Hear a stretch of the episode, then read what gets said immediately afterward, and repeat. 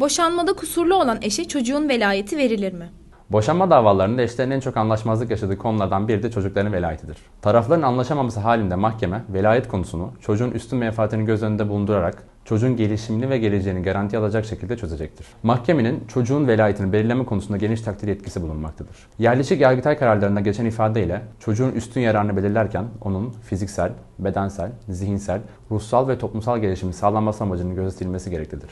Ana ve babanın yararları, boşanmadaki kusurları, ahlaki değer yargıları, sosyal konumları gibi durumları çocuğun üstün yararını etkilemeyecek ölçüde göz önünde tutulur. Velayet düzenlenmesinde çocukla ana ve baba yararının çatışması halinde çocuğun yararının üstünlük tanınması gereklidir. Anlaşılacağı üzere hakim, çocuğun üstün yararı bunu gerektiriyorsa, boşanmada kusurlu olan eşe velayetin verilmesine karar verebilir.